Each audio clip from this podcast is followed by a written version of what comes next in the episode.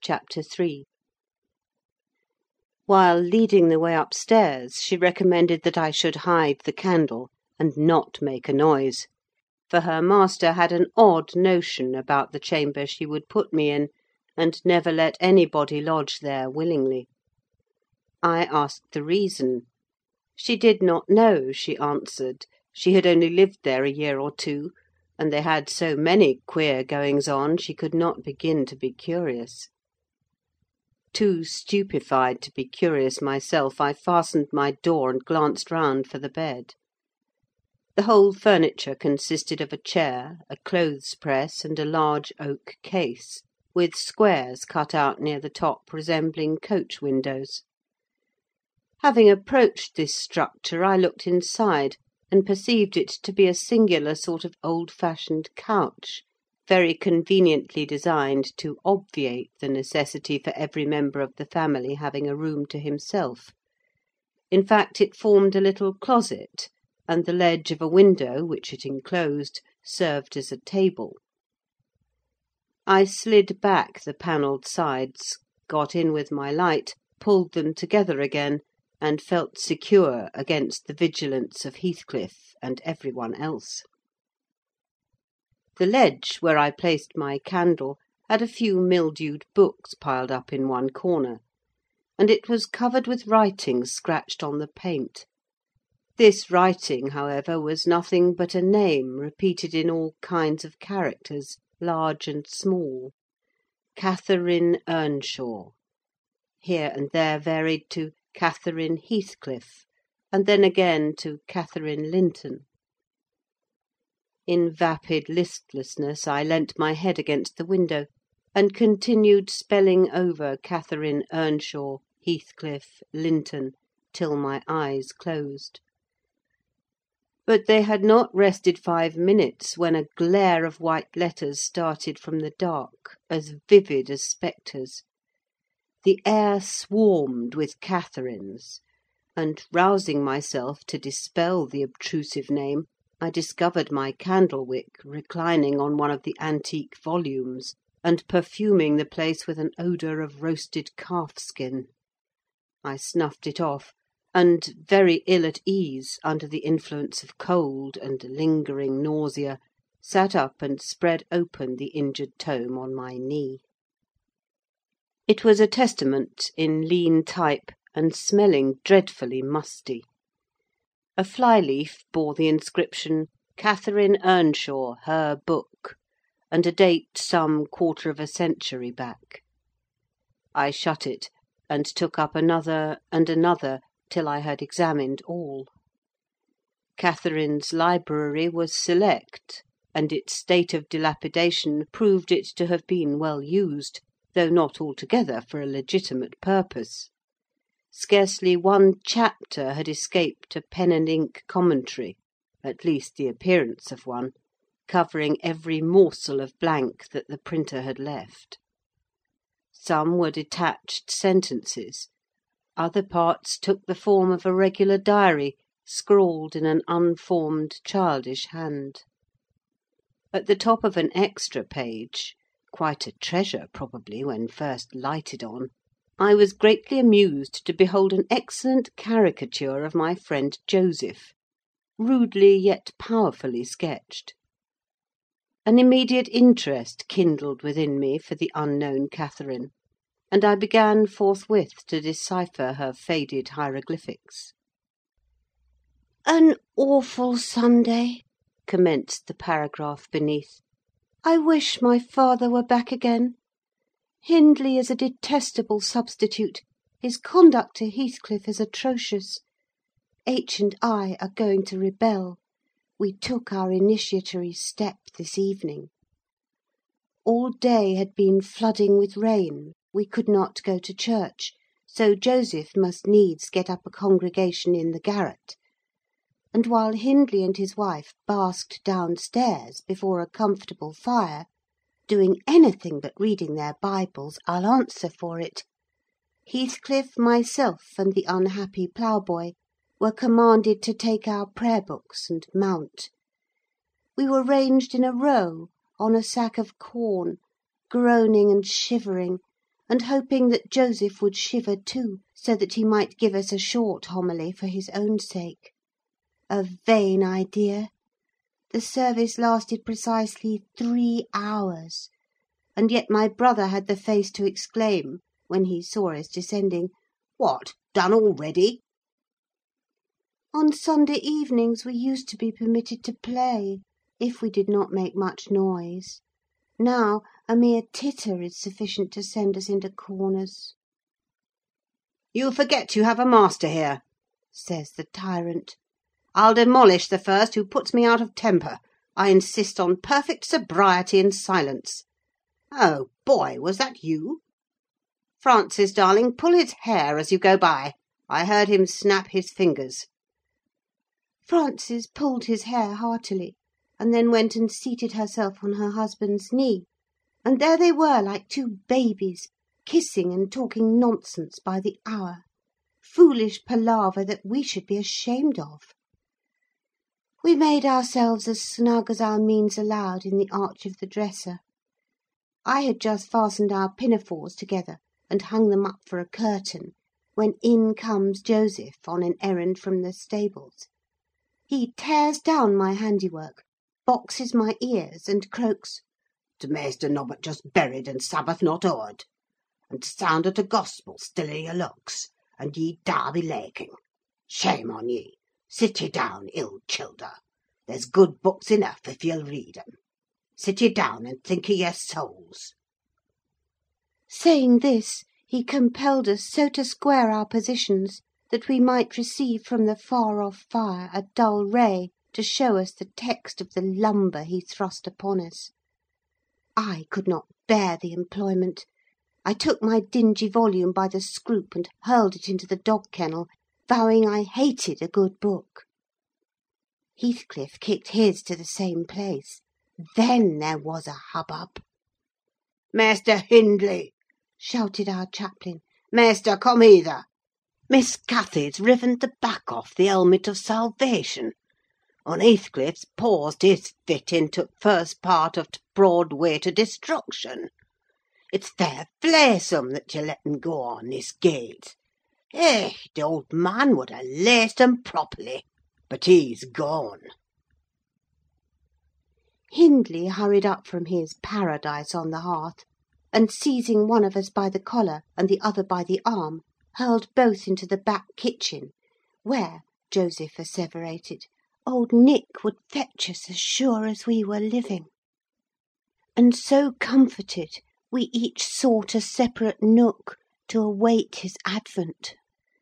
I reached this book and a pot of ink from a shelf, and pushed the house door ajar to give me light, and I have got the time on with writing for twenty minutes. But my companion is impatient, and proposes that we should appropriate the dairy woman's cloak, and have a scamper on the moors, under its shelter. A pleasant suggestion; and then, if the surly old man come in, he may believe his prophecy verified: we cannot be damper or colder in the rain than we are here. I suppose Catherine fulfilled her project, for the next sentence took up another subject. She waxed lachrymose. "How little did I dream that Hindley would ever make me cry so!" she wrote. "My head aches till I cannot keep it on the pillow, and still I can't give over. Poor Heathcliff! Hindley calls him a vagabond, and won't let him sit with us nor eat with us any more; and he says he and I must not play together, and threatens to turn him out of the house if we break his orders. He has been blaming our father how dared he for treating H. too liberally, and swears he will reduce him to his right place." I began to nod drowsily over the dim page. My eye wandered from manuscript to print. I saw a red ornamented title, "Seventy times seven, and the first of the seventy first. A pious discourse delivered by the Reverend Jabez Branderham, in the chapel of Gimmerden, Sough. And while I was, half consciously, worrying my brain to guess what Jabez Branderham would make of his subject, I sank back in bed and fell asleep. Alas for the effects of bad tea and bad temper! What else could it be that made me pass such a terrible night? I don't remember another that I can at all compare with it since I was capable of suffering. I began to dream almost before I ceased to be sensible of my locality. I thought it was morning, and I had set out on my way home with Joseph for a guide. The snow lay yards deep in our road, and as we floundered on my companion wearied me with constant reproaches that I had not brought a pilgrim's staff, telling me that I could never get into the house without one, and boastfully flourishing a heavy headed cudgel, which I understood to be so denominated. For a moment I considered it absurd that I should need such a weapon to gain admittance into my own residence. Then a new idea flashed across me. I was not going there. We were journeying to hear the famous Jabez Branderham preach, from the text seventy times seven; and either Joseph, the preacher, or I, had committed the first of the seventy first, and were to be publicly exposed and excommunicated. We came to the chapel. I have passed it, really, in my walks, twice or thrice. It lies in a hollow between two hills, an elevated hollow near a swamp, whose peaty moisture is said to answer all the purposes of embalming on the few corpses deposited there. The roof has been kept whole hitherto, but as the clergyman's stipend is only twenty pounds per annum, and a house with two rooms, threatening speedily to determine into one, no clergyman will undertake the duties of pastor; especially as it is currently reported that his flock would rather let him starve than increase the living by one penny from their own pockets. However, in my dream Jabez had a full and attentive congregation, and he preached good God, what a sermon! divided into four hundred and ninety parts, each fully equal to an ordinary address from the pulpit, and each discussing a separate sin. Where he searched for them I cannot tell. He had his private manner of interpreting the phrase, and it seemed necessary the brother should sin different sins on every occasion.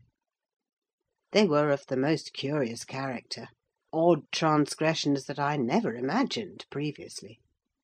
Oh, how weary I grew! How I writhed and yawned and nodded and revived! How I pinched and pricked myself, and rubbed my eyes, and stood up, and sat down again, and nudged Joseph to inform me if he would ever have done. I was condemned to hear all out. Finally, he reached the first of the seventy first. At that crisis a sudden inspiration descended on me. I was moved to rise and denounce Jabez Branderham as the sinner of the sin that no Christian need pardon. "Sir," I exclaimed sitting here within these four walls at one stretch, I have endured and forgiven the four hundred and ninety heads of your discourse. Seventy times seven times have I plucked up my hat and been about to depart. Seventy times seven times have you preposterously forced me to resume my seat.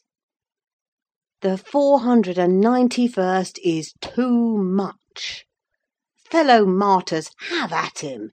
Drag him down and crush him to atoms, that the place which knows him may know him no more. "Thou art the man!" cried Jabez, after a solemn pause, leaning over his cushion. Seventy times seven times didst thou gapingly contort thy visage. Seventy times seven did I take counsel with my soul. Lo! this is human weakness, this also may be absolved. The first of the seventy first is come. Brethren, execute upon him the judgment written.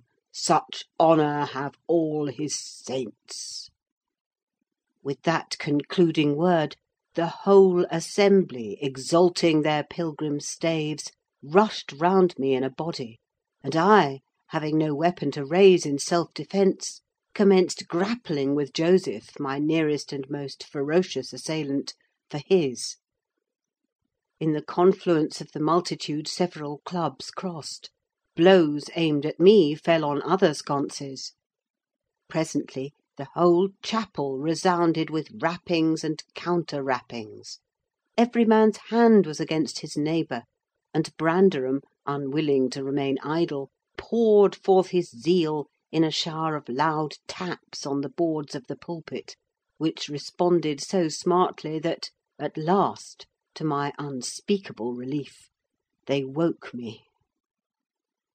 And what was it that had suggested the tremendous tumult? What had played Jabez's part in the row?